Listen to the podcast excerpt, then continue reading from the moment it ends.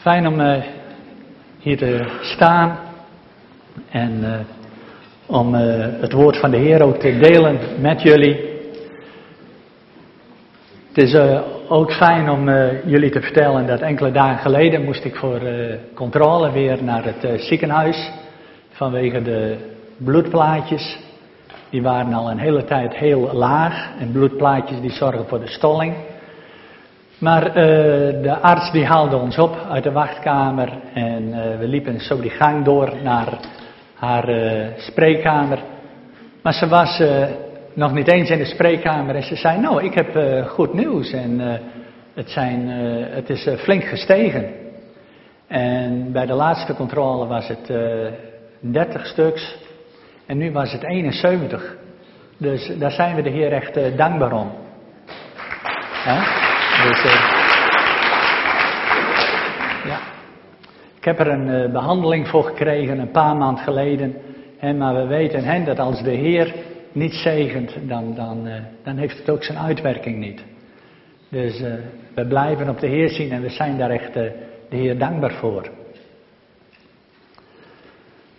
Goed, dan gaan we naar Gods woord. Jeremia 17, vers 9, die zegt iets heel belangrijks. Die zegt, uh, er is iets en uh, dat is ontzettend onbetrouwbaar. En wat zou dat kunnen zijn? De Europese Unie was er nog niet, Brussel was er nog niet, de banken waren er toen nog niet zoals wij ze kennen. Maar wat zou het dan zijn? Waarvan Jeremia zegt, niets is zo onbetrouwbaar. Wat zou dat kunnen zijn? Jullie mogen het wel zeggen hoor. Het hart. Ja, heel goed. Jeremia 17, vers 9 zegt, niets is zo onbetrouwbaar als het hart. Onverbeterlijk is het. Wie zal het kennen?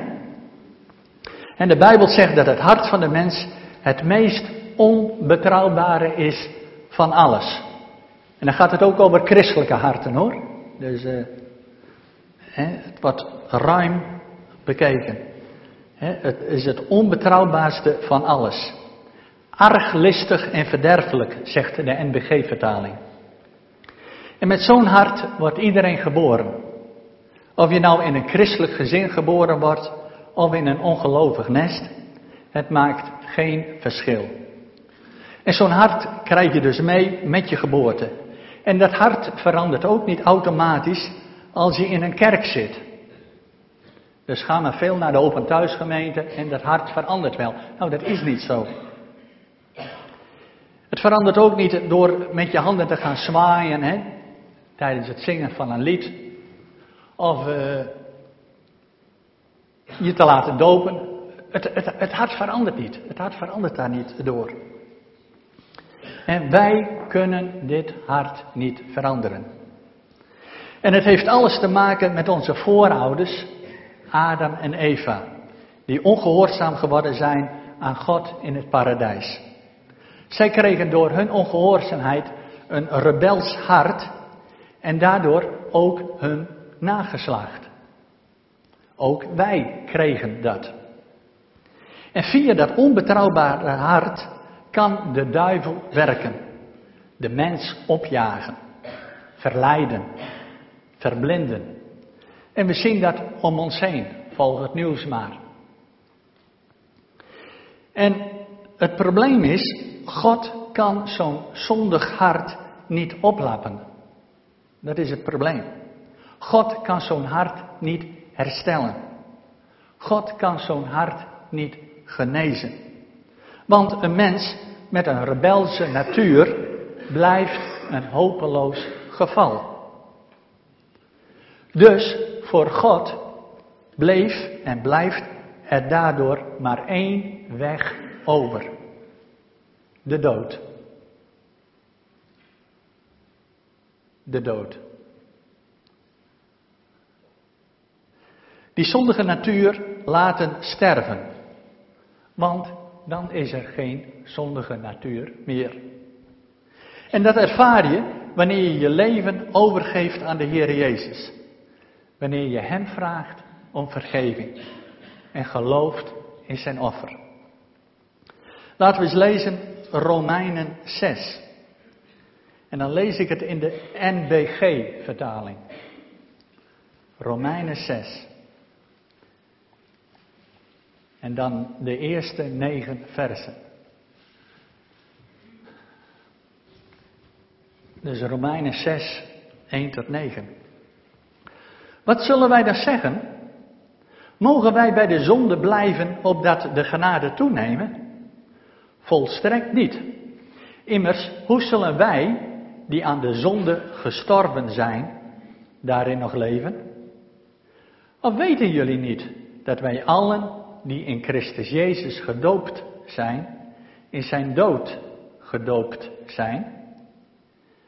Wij zijn dan met hem begraven door de doop in de dood, opdat, gelijk Christus uit de doden opgewekt is door de majesteit van de Vader, zo ook wij in nieuwheid van leven zouden wandelen.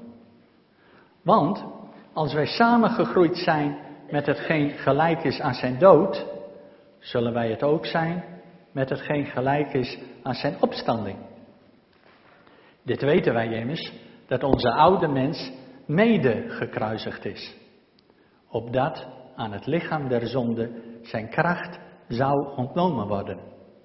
En wij niet langer slaven der zonde zouden zijn. Want wie gestorven is, is rechtens vrij van de zonde. Als we dan met Christus gestorven zijn, geloven wij dat we ook met Hem zullen leven. Omdat wij weten dat Christus, nu Hij uit de doden is opgewekt, niet meer sterft. De dood voert geen heerschappij meer over Hem. Paulus spreekt in vers 6 erover dat onze oude mens met dat rebelse hart, de oude Theo, de oude Willem, de oude Henk, eh, de oude Gerard en vul je eigen naam erin. Paulus spreekt erover dat de oude mens met het rebelse hart hing aan dat kruis. Mede gekruisigd, zegt Paulus. En het doel was, volgens Paulus, om de macht van de zonde daardoor te breken in ons leven. Want Paulus zegt, opdat aan het lichaam der zonde zijn kracht ontnomen zal worden. En wij daardoor niet langer slaven van de zonde zouden zijn. Met andere woorden, een kind van God kan nog wel zondigen, maar dat hoeft niet meer. Je bent namelijk geen slaaf meer van de zonde. Maar doordat je nog een vrije wil hebt, kun je ervoor kiezen om de duivel achterna te gaan en wel te zondigen. Maar het hoeft niet meer. En Paulus spreekt ook over een begrafenis. Christus moest na zijn sterven begraven worden. Maar ook de oude mens met dat opstandige hart, die oude Theo, die oude Hans, die oude eisen en noem maar op, die moeten ook begraven worden. En Paulus zegt, we zijn met Christus begraven door de onderdompeling in zijn dood. Het water sluit zich tijdens de onderdompeling boven je. De oude rebelse mens is dan begraven. En samen met de Heer Jezus mogen we daarna een opstandingsleven leiden. Vers 5 zegt, want als wij samengegroeid zijn met hetgeen gelijk is aan zijn dood, zullen we het ook zijn met hetgeen gelijk is aan zijn opstanding. Dus sterven, begrafenis en opstanding door Jezus offer. De Heer Jezus sprak daarover met Nicodemus en hij noemde dat opnieuw geboren worden. En uh, laten we eens kijken in Johannes 3, vers 1 tot 10. Johannes 3, vers 1 tot 10.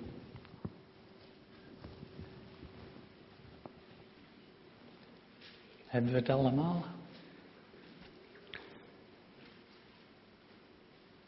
Vorige keer zat ik naast een zuster en die maakte aantekeningen. En dat vond ik heel mooi om te zien. Het gaat er niet om dat ik hier nu sta, maar het is, een goede gewoonte om pen en papier mee te nemen. als een prediker een keer te snel dingen zegt waarvan je, zegt, waarvan je denkt van hé, hey, dat is heel boeiend, dan kun je het noteren en kun je het thuis weer even opzoeken. dat is een hele goede manier. Johannes 3, 1 tot 10. Ik lees het uit de Groot Nieuwsbijbel. Zo was er iemand, een fariseer, die Nicodemus heette. En lid was van de Hoge Raad. Hij ging op een nacht naar Jezus toe. Rabbi, we weten dat u in opdracht van God de mensen onderricht. Want niemand kan die wondertekenen doen die u doet, als God niet met hem is. Ik verzeker u, zei Jezus, niemand kan het koninkrijk van God zien als hij niet opnieuw geboren wordt. Nicodemus vroeg, hoe kan iemand die al oud is opnieuw geboren worden? Hij kan toch niet terugkeren in de schoot van zijn moeder en dan weer geboren worden? Ik verzeker u, antwoordde Jezus, niemand kan het koninkrijk van God binnenkomen als hij niet geboren wordt uit water en geest. Want wat uit de mens geboren wordt, is menselijk. Wat uit de geest geboren wordt, is geestelijk. Wees dus niet verbaasd dat ik tegen u zei, u moet opnieuw geboren worden. Net als de wind waait de geest waarheen hij wil. Je hoort hem wel, maar je weet niet waar hij vandaan komt of waar hij heen gaat. Zo is het ook met iedereen die geboren is uit de geest. Maar hoe kan dat? vroeg Nicodemus. Jezus zei, begrijpt u dat niet? U, een van de grootste geleerden in Israël? Tot zover. Nicodemus zei tegen Jezus dat hij en zijn collega's wisten dat in opdracht van God de Heer Jezus de mensen onderwees. Want ze zagen die wonderen. En toen begon de Heer Jezus direct te spreken over opnieuw geboren worden. Met andere woorden, de Heer Jezus zei, Nicodemus, dat jij gelooft dat ik in opdracht van God spreek en wonderen doe, dat is niet genoeg. Als jij innerlijk niet opnieuw geboren wordt, kun je het koninkrijk van God niet zien en ook niet binnengaan. Met andere woorden, geloven in God en naar de kerk gaan is dus niet genoeg om vergeving te ontvangen. Jacobus zei, ook de duivel gelooft. Dus op zich zegt dat niks. En in vers 10 proef je de verbazing bij de Heer Jezus over het onbegrip. Bij deze leraar van Israël. Nicodemus, begrijp jij dit niet? Wat ik jou nu vertel, herken jij dat niet vanuit de boekrollen van de profeten? Nou, laten we eens naar een van die boekrollen gaan van de profeten. Ezekiel 36. Vanaf vers 22. Ezekiel 36 vanaf vers 22.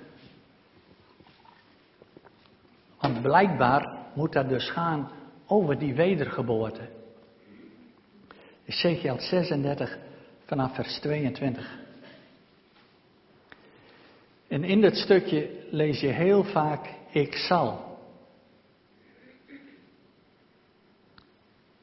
Lisbeth. Lisbeth. Is toch goed tellen? Nee? Nou, dan ging ik naar Dirk. En Dirk mij net nee zeggen. Nee, we gaan nu Dirk. Want anders schuift jouw broer het ook weer af. Zitten we op laatst achterin daar ergens. Uh, ik lees dat stukje, Ezekiel 36 vanaf vers 22. En dan krijg je heel vaak, ik zal, ik zal, ik zal, kom je dan tegen. En dan moet jij even tellen hoe vaak dat is. Nou, dat moet kunnen, hè? Je hebt vaak genoeg koeien geteld, dus dit, dit moet ook kunnen. Ja. Dus Ezekiel 36 vanaf vers 22. Zeg daarom tegen het volk van Israël: Dit zegt God de Heer. Ik zal ingrijpen, volk van Israël. Niet omwille van jou, maar omwille van mijn heilige naam, die jij hebt ontwijd bij de volken waar je gekomen bent. Ik zal mijn grote naam, die door jullie, dus het Joodse volk, bij die volken is ontwijd, weer aanzien verschaffen. Die volken zullen beseffen dat ik de Heer ben, spreekt God de Heer. Ik zal ze laten zien dat ik heilig ben.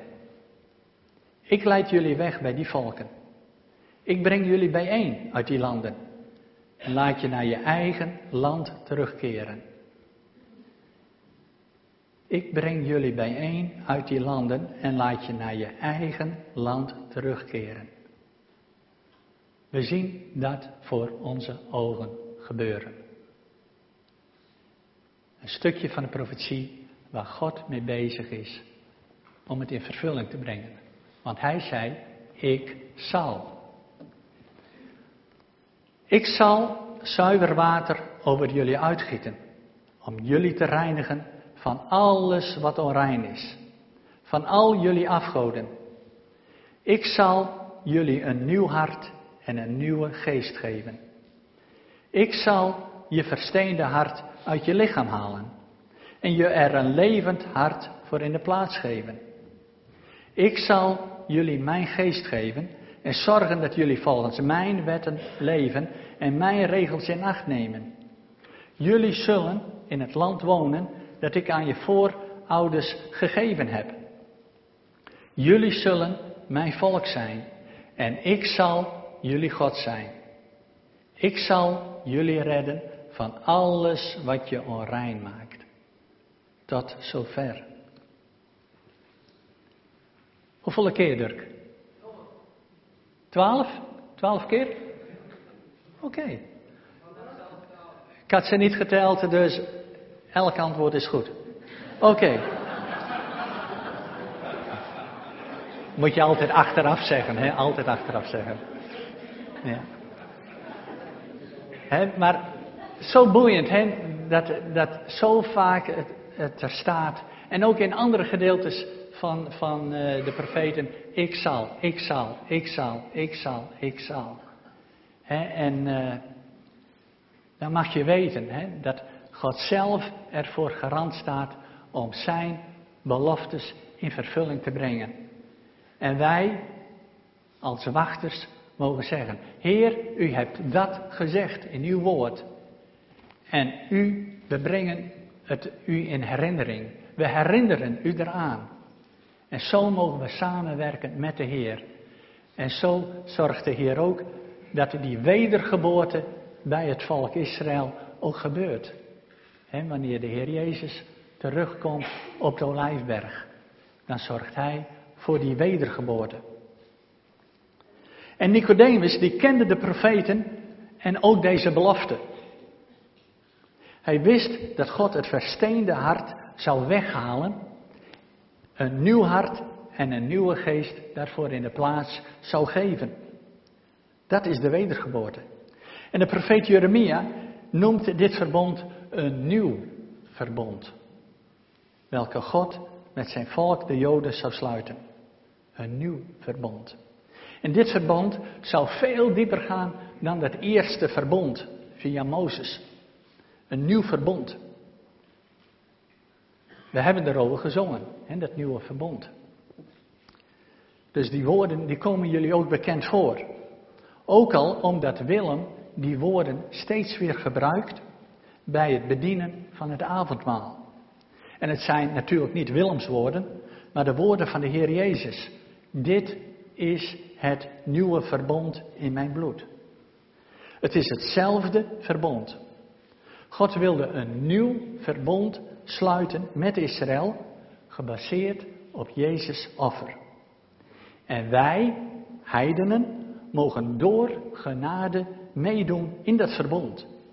We zijn mede erfgenamen geworden, zegt Paulus.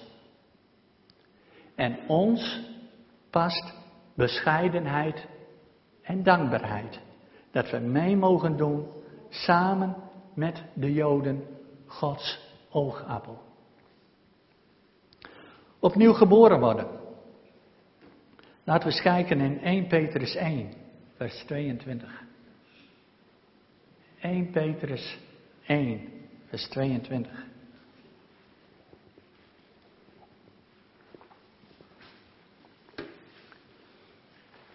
Eén Petrus 1, vers 22. 1 Petrus 1, vers 22. Hebben we dat allemaal? Het is niet zo'n dik boek, hè, Petrus. 1 Petrus 1, vers 22. Nu u gehoorzaam bent aan de waarheid, is uw hart gelouterd en kunt u oprecht van uw broeders en zusters houden. In dit hele stuk, daar kun je al verschillende preken over houden. Oprecht houden van je broers en zussen. Een stukje toneelspelen lukt nog wel, maar oprecht, hè? Dat, dat is, gaat veel dieper. Heb elkaar dan ook onvoorwaardelijk lief. Met een zuiver hart. Als mensen die opnieuw zijn geboren. Daar heb je de wedergeboorte, hè? Als mensen die opnieuw zijn geboren. Niet uit vergankelijk zaad, maar uit onvergankelijk zaad. Door Gods levende en blijvende en altijd blijvende woord. Petrus zegt dat wij nu opnieuw geboren zijn uit onvergankelijk zaad van God. Wauw, dat is nogal wat hoor. Dat is nogal wat. Daar kun je heel gauw overheen lezen. Maar dat zegt Petrus. We zijn opnieuw geboren uit onvergankelijk zaad van God. En daardoor is God ook bereid de lat zo hoog te leggen bij ons. Want Hij weet waar Hij aan begonnen is. Door het offer van de Heer Jezus. We zijn geboren uit onvergankelijk zaad van God. En dat zaad is Gods woord, legt Petrus uit. En daar, daarom hebben we ook deel aan de goddelijke natuur. En dat staat in 2 Petrus 1, vers 4. Hoeven we nu niet op te zoeken, maar 2 Petrus 1, vers 4. We hebben deel aan de goddelijke natuur. Dus dat is nogal wat. Dat is nogal wat. En dat is de reden waarom de duivel ook doods benauwd is. Dat een kind van God gaat inzien wie hij is in Christus. En nederig gaat doen wat de Bijbel zegt. De duivel wil niet dat jij tot jouw bestemming gaat komen. Want als jij tot jouw bestemming gaat komen, dan verliest hij terrein. En daardoor probeert hij altijd weer negatieve gedachten, minderwaardige gedachten in jouw hoofd te leggen. Om je maar te verlammen, om je maar passief te maken.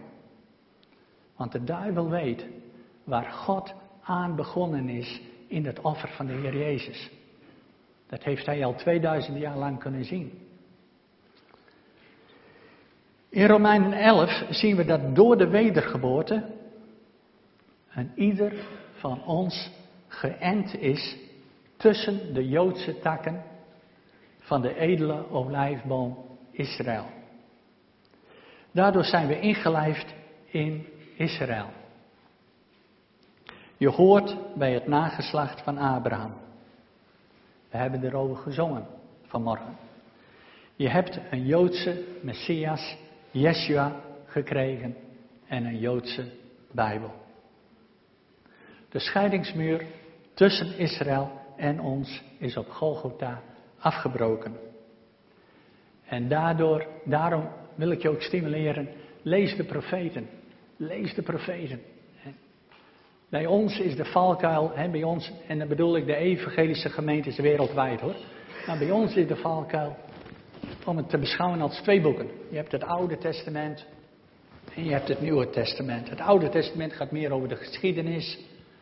En uh, we leven nu in het heden en dat is het Nieuwe Testament en we hebben de Heer Jezus. Maar in Gods ogen, het is één boek. En Petrus benadrukt het op verschillende plekken als hij schrijft naar de gelovigen. Dan haalt hij de profeten er weer bij. Hij haalt de profeten er weer bij. Want het bouwt zijn geloof op als hij kijkt naar wat de profeten gesproken hebben.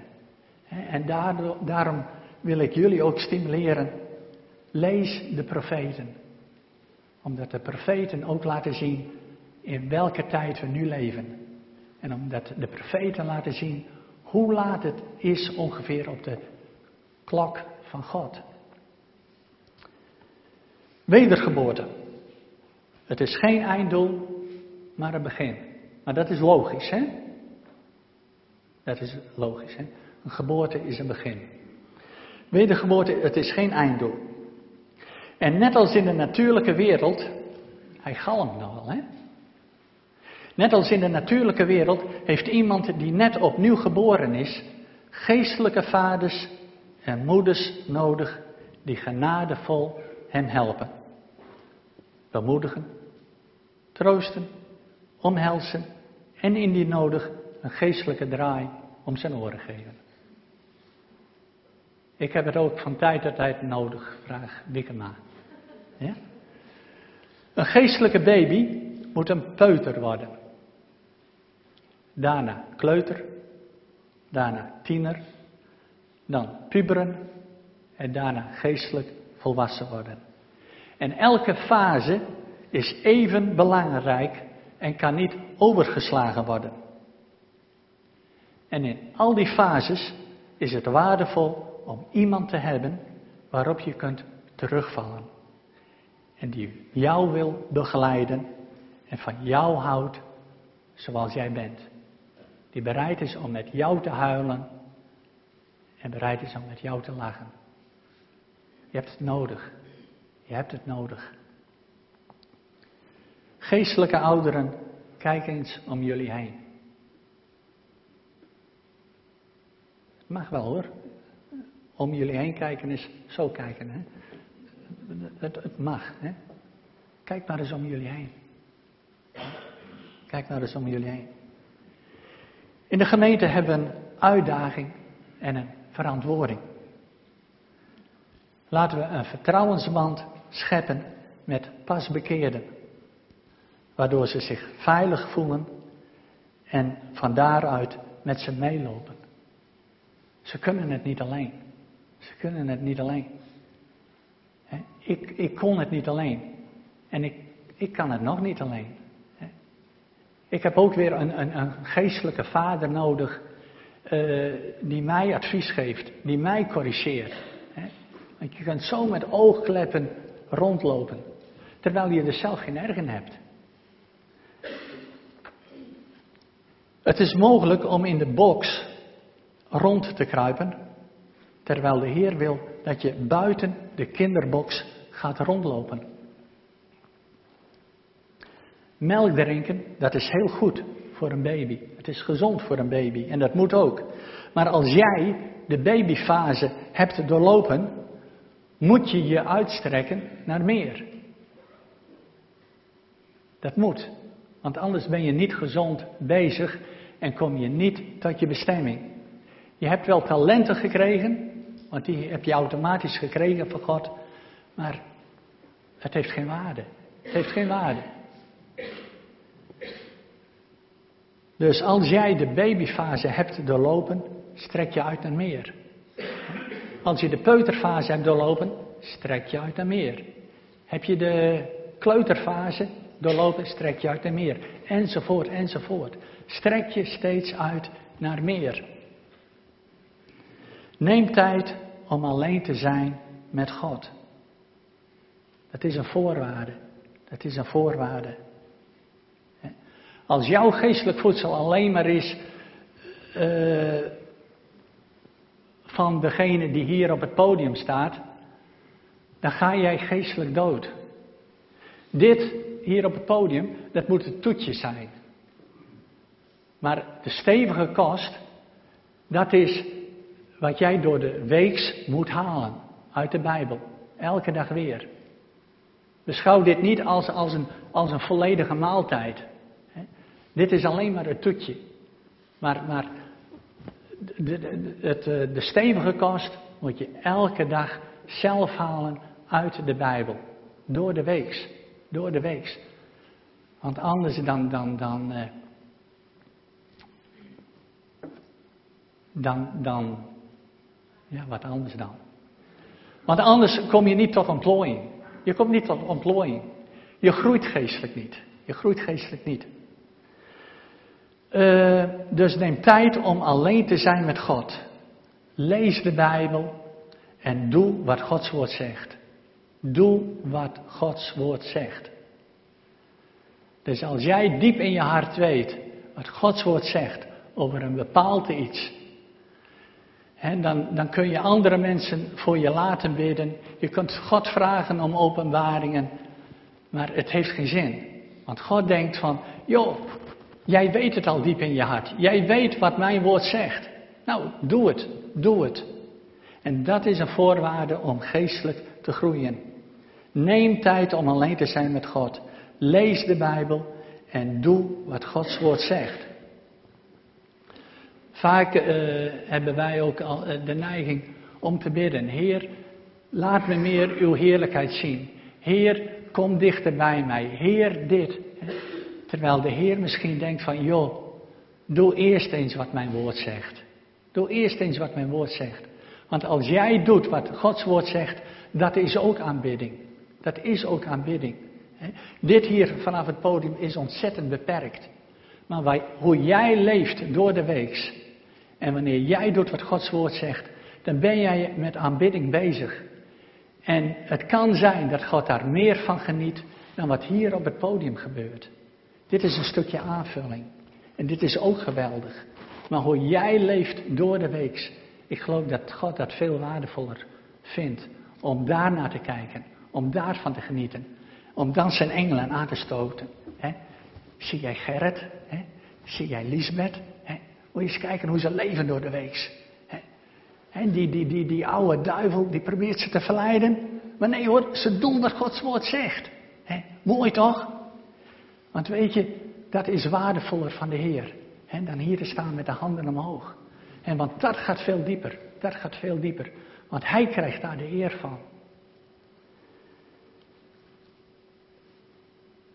Dus neem tijd om alleen te zijn met God. Lees de Bijbel. Doe wat Gods woord zegt. En ook al gaat het met vallen en opstaan. Geeft niks. Fouten maken mag.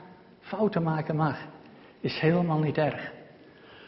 Tot slot, Titus 3.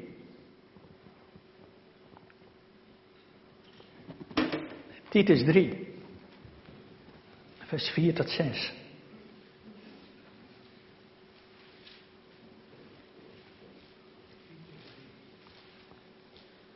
Titus, Philemon, Hebreeën. Ja, hebben we het allemaal? Titus? Titus 3, vers 4. Maar toen zijn de goedheid en mensenliefde van God, onze redder, openbaar geworden. En heeft Hij ons gered. Niet vanwege onze rechtvaardige daden, maar uit barmhartigheid. Hij heeft ons gered door het bad van de wedergeboorte en de vernieuwende kracht van de Heilige Geest, die Hij door Jezus Christus, onze Redder, rijkelijk over ons heeft uitgegoten. Redding door de wedergeboorte, zegt Paulus, en de kracht van de Heilige Geest die vernieuwt. Dus alle twee worden genoemd door Paulus. Redding door de wedergeboorte en de kracht van de Heilige Geest die vernieuwt. Als jij opnieuw geboren bent, mag je beseffen dat je niet in eigen kracht kunt groeien. En God wist dit. God wist dit. En vandaar de Heilige Geest in ons met zijn vernieuwende kracht. En wie God oprecht zoekt, zal ervaren dat de Heilige Geest hem van binnenuit verandert. Tot Gods eer. Amen. Laten we bidden. Ja, dank u wel, Vader in de hemel, voor uw grote liefde. Zo ontzagwekkend, Vader, hoe, hoe u dit alles hebt uitgedaagd. Dat offer van de Heer Jezus.